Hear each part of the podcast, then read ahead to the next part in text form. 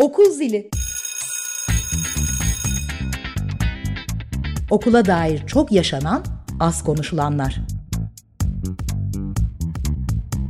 Hazırlayan ve sunan Ayşe Alan.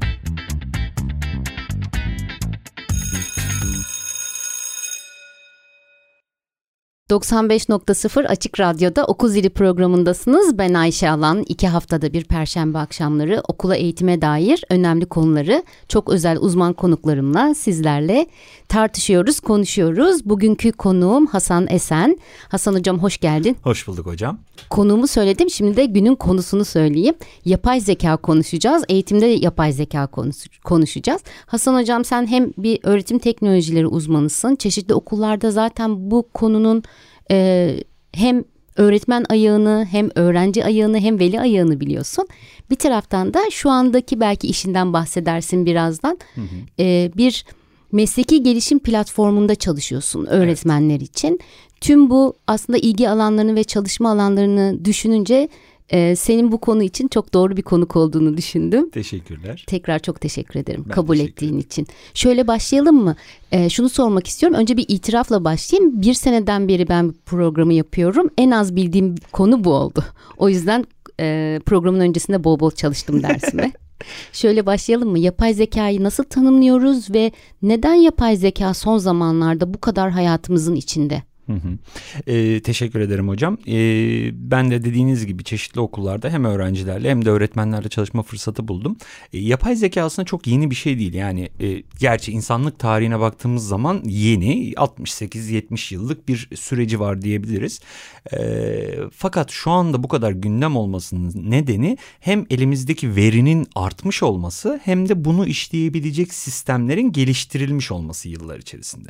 Doğal olarak biz artık buna çok hızlı bir şekilde ve kolay bir şekilde ulaşabiliyoruz. Yani bu kolaylık hem e, bir tıkla ulaşabilmek anlamına geliyor hem de maliyet açısından ulaşılabilir olmuş oluyor. Çünkü uzun yıllardır e, büyük şirketler bu alanlarda çalışmalar gerçekleştiriyor. Ama baktığımızda nerelere gidiyor?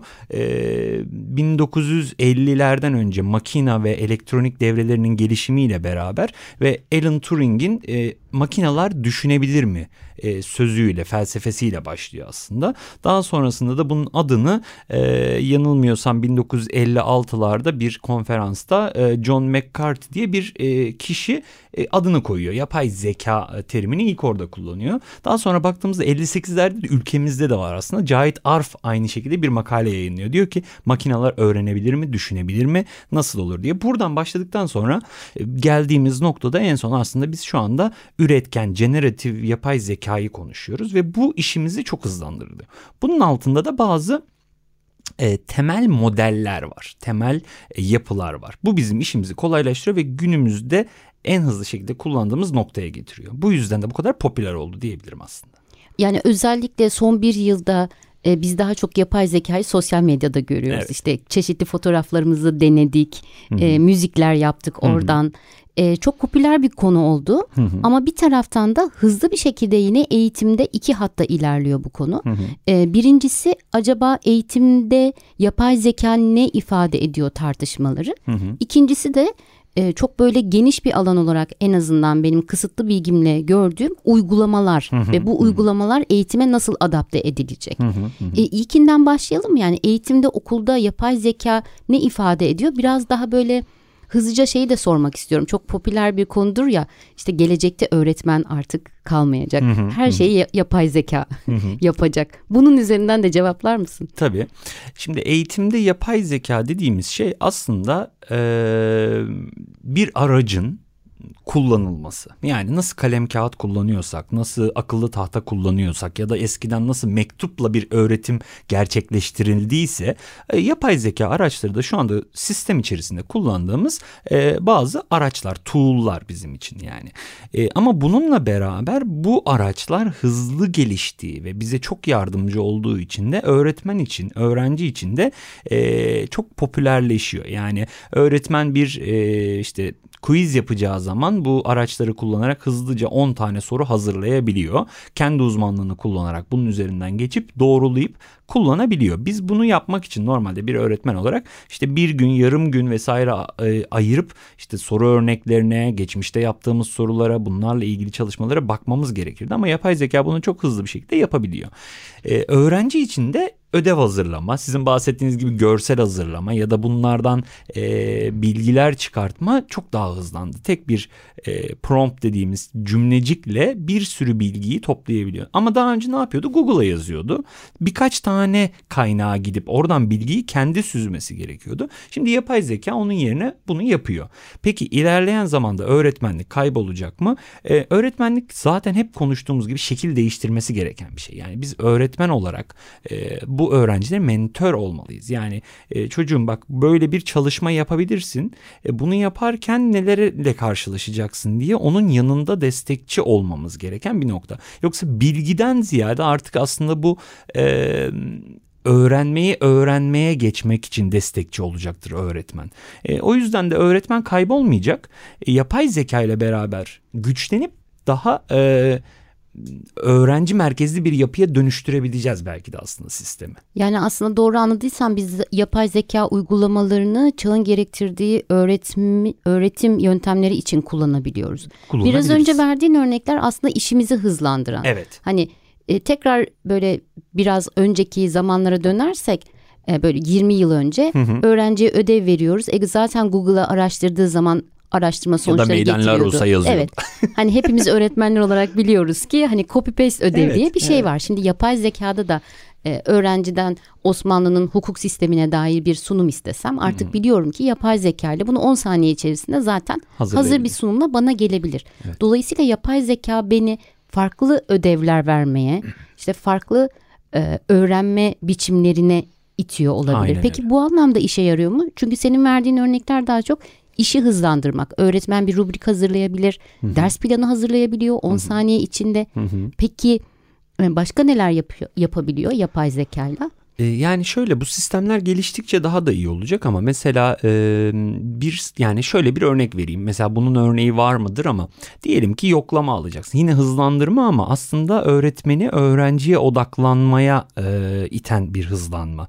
Yoklama alman gerekiyor ama sınıfın kapısında bir kameran var ve giren öğrenciyi tık tık tık tık sayıyor olmayanla ilgili sana bilgi veriyor neden gelmediğiyle ilgili. Doğal olarak sen bu e, rutin ama e, seni öğrenciye dokunmaktan uzaklaştıracak şeyleri çıkartabiliyorsun aradan. Doğal olarak öğrenciyle kuracağın bağ, onunla e, yapacağın etkinliğe daha iyi odaklanabilirsin. Yani hızlanmak tabii ki ya da işte bir içerik hazırlarken hızlanmak tabii ki ama hızlanmadan kastımız burada öğrenciye daha fazla dokunabilmek benim e, anladığım. Yani bunu yapabilmemiz lazım. Öğrenci sunum hazırla dedik. E, bizim buradaki e, hedefimiz neydi? Öğrencinin sunum mu hazırlayabilmesi mi? Yani e, o görselleri nereye yerleştireceğini, yazıyı nereye koyacağını mı biz ölçüyoruz? Yoksa o öğrencinin bilgiyi nasıl e, analiz ettiğini, bilgiyi nasıl toparladığını, derlediğini ve nasıl sunduğunu, aktardığını mı ölçüyoruz? Buna dikkat etmek lazım. Yapay zeka bunu da yapıyor mu? Yani hani o analizi de yapıyor değil yapıyor, mi? Yapıyor, analizi kadarıyla. de yapıyor evet. ama tabii ki burada işte e, şey noktasına geliyoruz. E, öğrenci bunun neresinde? Yani öğrenci bunun ne kadarını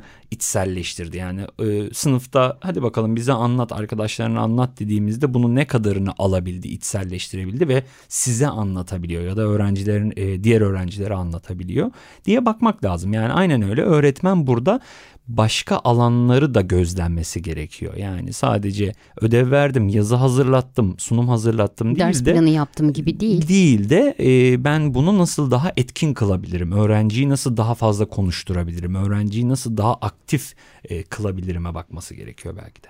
Peki o zaman e, son dönemde çok e, senin de katıldığını görüyorum böyle çalışmalara, konferanslara. E, dünya eğitim ortamında diyeyim, dünyada ve Türkiye'de biz e, bir araya gelip eğitimde yapay zeka konuştuğumuz zaman hangi konuları tartışıyoruz? Uygulamalar dışında bizim buradaki sorunsalımız ne, derdimiz ne? Hı hı. Ee, burada aslında bizim de burada konuştuğumuz bunun yöntemi ne olacak? Yani evet. e, bunu konuşuyoruz. E, gerçekten bu uygulamalar örneğin bundan işte iki sene önce, üç sene önce Web 2.0 araçları vardı. Herkes Web 2.0 araçları kullanıyordu. Ama bunları ne amaçla kullandığımızı tartışmaya çalışıyorduk. Ben ve birkaç tane bildiğim e, bu alanda gerçekten yetkin hocalarım ne diyorduk? E, ya sen bunu öğretim tasarımına yedir, e, stratejilerine yedir. Örneğin Kahoot kullanıyorsan dersin ortasında hadi Kahoot yapıyoruz deme. Sen bunu bir çıkış bileti olarak kullan ya da bir ön bilgiyi hatırlatıcı araç olarak kullan diyorduk. Aynı şekilde şu anda da e, bu uygulamaları ne noktada kullanacağımızı tartışıyoruz. Birincisi bu. İkincisi e, en çok politikalar kısmında. Yani bu araçlar okul ya da işte eğitim e, ara, alanlarında, okullarda e, ya da işte kurslarda e, hangi politikalarla kullanılmalı? Bunlara bir politika yazmamız lazım. Çünkü çıkan sonuç her zaman doğru olmayabiliyor. E, etik konuları var bunun. Çünkü yapay zekada dünya tarihinden, insanlık bilincinden yaratılmış bir şey ve insanlık ta, e, bilincinde çok da doğru olmayan şeylerimiz var. Yani Amerika'ya baktığımız zaman ya da işte kendi topraklarımızda da ırkçılıklar var, başka sorunlar var, kapsayamadığımız alanlar var. Doğal olarak buradaki etik e, sınırları belirlememiz gerekiyor aslında. Bunları tartışıyoruz şu anda genel olarak e, bu konferanslarda, bu çalışmalarda da. E, bunları belirledikten sonra aslında e, bunun faydasını konuşabiliriz. Yani bu ne kadar faydalı, ne kadar doğru kullanıyoruzu o zaman tartışıp e, daha belirleyici alanlar yaratabileceğimize inanıyorum. Ama şu anda çok hızlı ivmelendi ve herkes buradan bir e, alan kapmaya çalışıyor. Teknoloji şirketleri özellikle. Doğal olarak seçici, e, gözlemci olmamız lazım. Çünkü veri hala çok önemli. Oluşturduğumuz içerik bizim yaratıcılığımız çok önemli. Yani bütün yaratıcılığı yapay zekaya bırakırsak bundan 5 yıl sonra e, özgün bir içerik kalmayacak ortalığında. Evet. Doğal olarak bunlara odaklanarak bunlar hep kafamızın arkasında kalarak konuşmalı veya işte bu konferanslarda bunları düşünmemiz gerekiyor belki de. anladım. Bir taraftan çok heyecan verici. Yani evet. bu kadar gelişmenin tam ortasındayız. İşte mesleğimizin e, ben 18. yılındayım. Sen kaçıncı yılındasın? 10 10 diyelim. 10. yılındasın.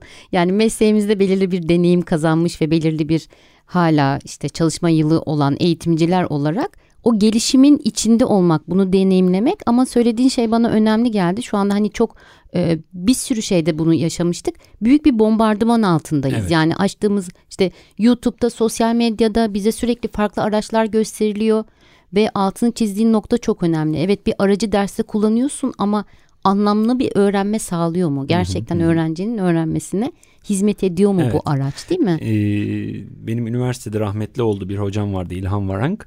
Ee, şunu söylemişti hep her zaman da aklımdadır.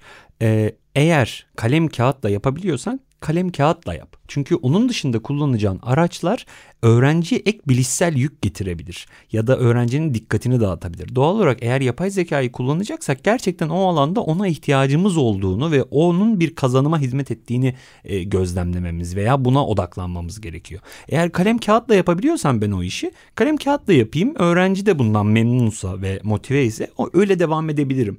Ama ben şu anda işte tablet kullanıyorum. Tablete yazıyorum. Neden? Çünkü kesip biçebiliyorum. Arasına başka bir şey ekleyebiliyorum ve benim e, bilgimi veya ürettiğimi e, arttırabiliyorum, genişletebiliyorum.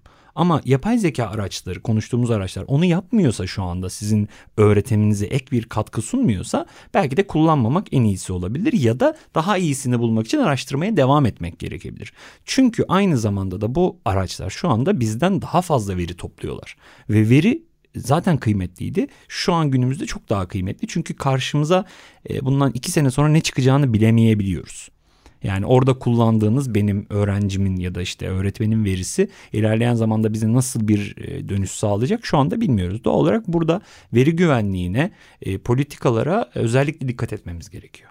E, bu son söylediğin şey gerçekten de çok anlamlıydı. Zaten bir sonraki sorum da şöyle olacaktı. Yani okullar yapay zeka politikalarını belirlerken neye dikkat edilme, etmesi gerekir? Çünkü şöyle bir tehlike var mı acaba yoksa ben mi önyargılı davranıyorum? biraz önce senin söylediğin, hocanın söylediği bu anlamlı e, fikir üzerinden devam edeyim. Sadece yapay zekayı kullanmak için okulların böyle çok yoğun şekilde eğitime entegre etmek üzere aslında dersleri ya da eğitim ortamlarını bol farklı, üzerinde anlaşılmamış ve henüz sonucu görülmemiş araçlarla dolduruyor olmasının öğrenciler üzerinde de kötü bir etkisi olur mu? Ne yapmak lazım burada? Yani olur mu bilmiyoruz. Belki de olmaz. Bunun ıı, akademik olarak ya da işte okul içerisinde çalışılması gerekiyor aslında. Evet. E, ya da öğretmenin gözlem gücüne güvenmemiz gerekiyor. Yani burada ne kadar gerçekten bu alanda e, uzmanlığı var, ne kadar bu alanda çalışmaya devam ediyorsak her zaman olduğu gibi onu da gözlemlememiz lazım. Evet kullanalım. E, buradan geri kalmayalım ya da bunun e, faydalarını e, göz ardı etmeyelim. Ama e, bunları da gözlemleyerek ilerleyelim. Örneğin e, burada dikkat edilmesi gereken yaratıcılığı kısıtlıyor mu? Yani okulda evet. yaptığımız, uyguladığımız bu yapay zeka uygulama yaratıcılığı kısıtlıyor mu? Buna bakmamız lazım. E, izlememiz lazım. Yani okul yöneticileri neler kullanılıyor, hangi çalışmalar yapıyor bunları izlemeli, bunların çıktılarını belki beraber konuşmalı, e, denetlemeli bazı noktalarda. Denetlemekten kastım kısıtlamak değil, sadece ne oluyor ne bitiyoryu görmemiz gerekiyor. Belki öğrencilerle konuşmak lazım. Yani bunu kullanırken nasıl bir deneyim yaşadın, neler yaptın bunlara bakmak lazım. E, yeni becerilere odaklanmak lazım. Yani o bombardımana tutuyorsak eğer sınıfta öğrenciyi yapay zeka araçlarla e, hangi hangi becerileri kazandırdığımızı veya kullandırmadığımıza bakmamız lazım. Yani çünkü e, işte OECD'nin bir tane raporunda diyor ki yani 21. yüzyıl dediğimiz beceriler bile şu anda aslında e, eskimeye başladı ve işte hep vardır ya geleceğin çocuklarını bugünün şeyleriyle evet. e, becerileriyle yetiştiriyoruz.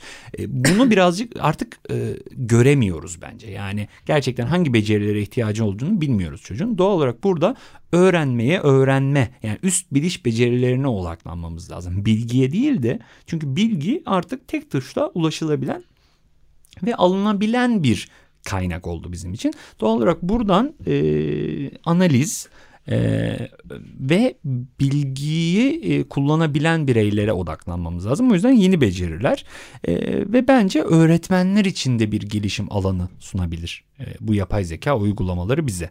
Onlara da odaklanabiliriz. Yani öğretmen kendini geliştirirken neresinden bu işin faydalanabilir? Çünkü ben geçenlerde mesela bir şey yaparken hmm, çalışmaya hazırlanırken e, dedim ki yani şöyle bir model var. Bana bu model doğrultusunda adım adım bu bilgiyi öğretir misin dedim mesela. Bir e, Community of Inquiry modelini çalışıyordum.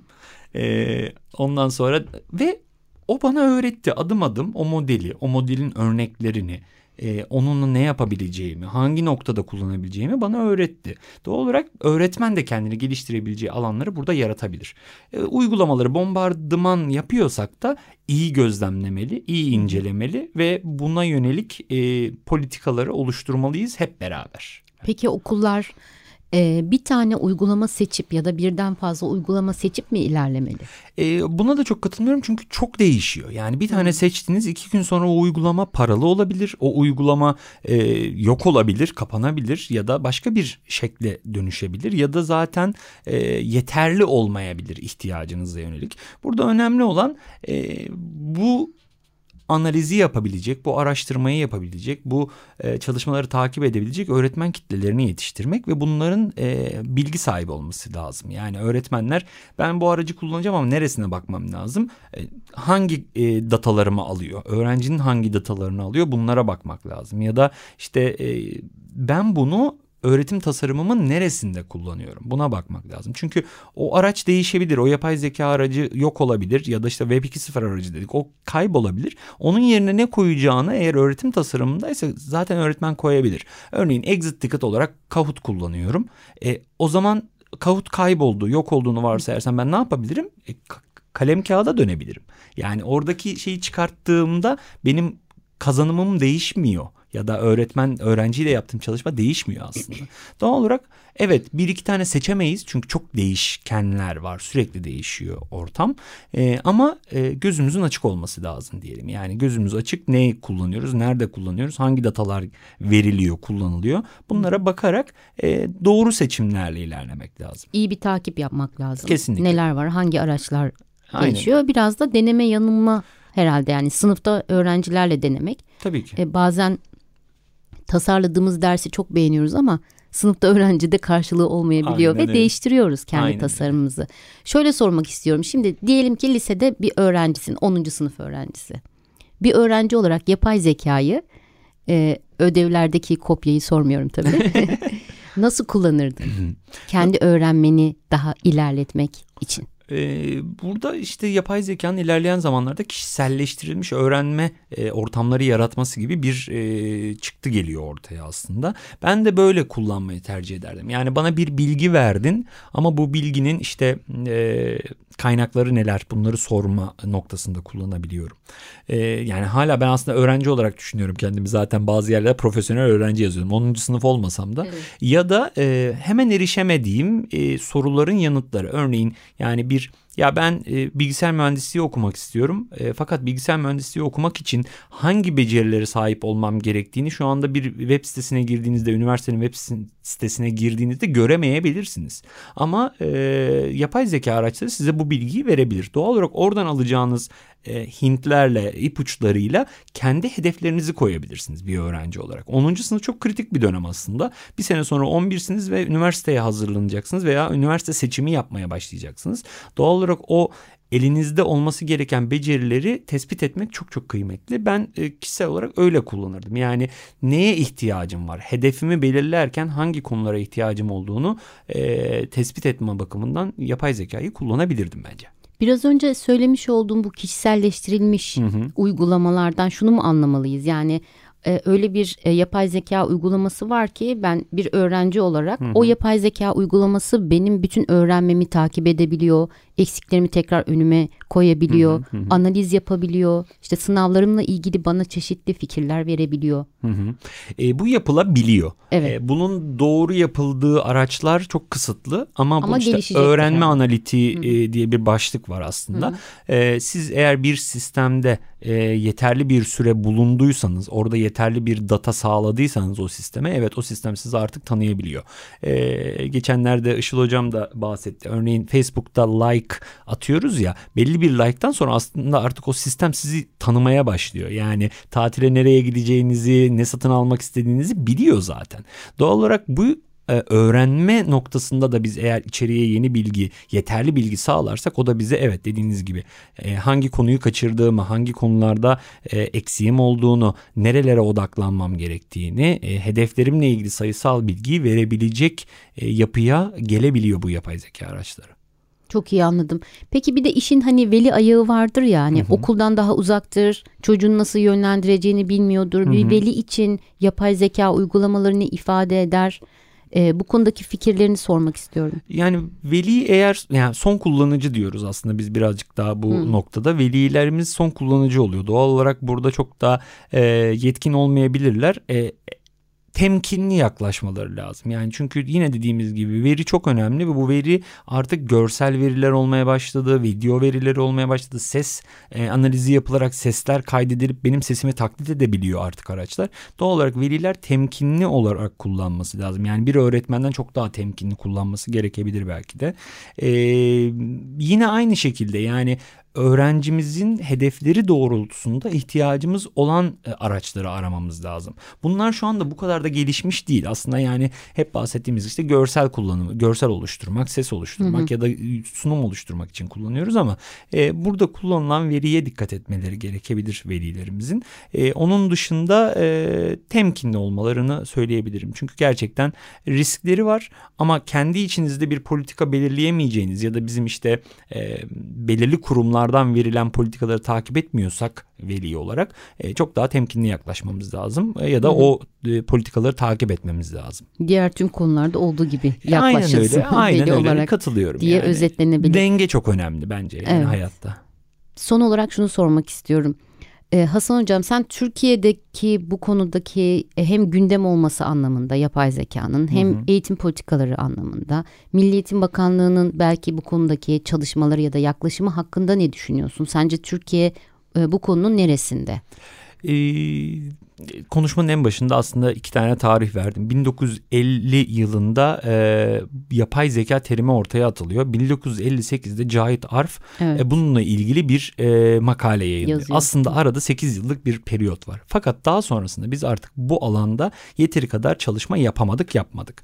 E, bu hem küresel e, durumlardan kaynaklı olabilir hem de e, işte bizim yapamadığımız çalışmalardan dolayı olabilir. Fakat e, şu anda biz sadece kullanıcı durumundayız hala. Çok güzel çalışmalar var. E, geçenlerde etkinliğinde tanıştığım iki tane farklı girişim vardı. Bununla içerik üreten, yapay zekayı kullanan ve sizin hizmetinize sunan e, gelişmeler var. Fakat hala biraz gerideyiz. E, bununla ilgili gözümüzün açık e, yerel lokal olarak geliştirilen ürünleri kullanabilir olmamız lazım ki onları destekleyelim okul tarafında, milli eğitim tarafında bazı politikalar oluşturulmadı daha benim gördüğüm kadarıyla. E, kısıtlı yapılar var ama bireysel olarak okullar, okul yönetimlerinin yaptığı çalışmaları biliyorum. E, belli başlı okullarımız bu çalışmaları yapıyor. Bunlarla ilgili düşünüyorlar. Hatta öğretmenleriyle beraber düşünüyorlar. Bu okulları takip etmek gerekebilir belki de doğru bilgiye en azından erişebilmek adına. Liderlik ediyorlar pek çok alanda Aynen bu öyle. okullar. İyi ki de öyle yapıyorlar. Acaba eğitim fakültelerine bu iş girdi mi? Yani öğretmen adayları bilmiyorum şu an aklıma gelen bir soru oldu. Hı hı. Öğretmen adayları yapay zekayla tanıştılar mı? Sınıftaki uygulamalarıyla ilgili okuyorlar mı, tartışıyorlar mı? Bu da mesela bir merak konusu benim için. Hmm, benim için de öyle çünkü öğretmen adayı arkadaşlarımızın e, ne kadar alanı takip ettiklerinden çok emin değilim. Yani bana kalırsa daha fazla olması lazım. Ama e, tanıdığım, bildiğim e, en azından bu alanda e, konferansları takip eden öğretmen arkadaş, adayı arkadaşlar da var. E, fakat daha da gelişmesi gerekiyor. Çünkü e, hızlanıyor bu işler artık. Yani çok daha evet. hızlı oluyor. E, bir de yani öğretmen adayısınız. Okula başladınız. Yeni bir dünyaya girdiniz zaten. Yenilikleri takip etmek daha da zor oluyor. Doğal Kucağınızda buluyorsunuz. Aynen öyle. O, o yüzden üniversitede bunu yapmaya çalışmak daha anlamlı olur. Konferansları, sizi, bizi e, takip etmeleri, dinlemeleri belki de e, faydalı olacaktır. Harika. Çok teşekkür ederim. Ben teşekkür Kısacık ederim. bir zamanda yapay zekayı bence etraflıca konuşabildik. Konuk olduğun için, katkılarını sunduğun için ama herhalde burada bitmez bu iş. Yani ileriki programlarda tekrar bir araya geliriz diye düşünüyorum. Umarım dilimiz döndüğünce anlatmaya çalıştık diyelim. Faydalı olduysa ne ala. Tekrar çok teşekkürler. 95.0 Açık Radyo'da Okul Zili programındaydınız. İki hafta sonra Perşembe akşamı tekrar birlikte olacağız. İyi akşamlar.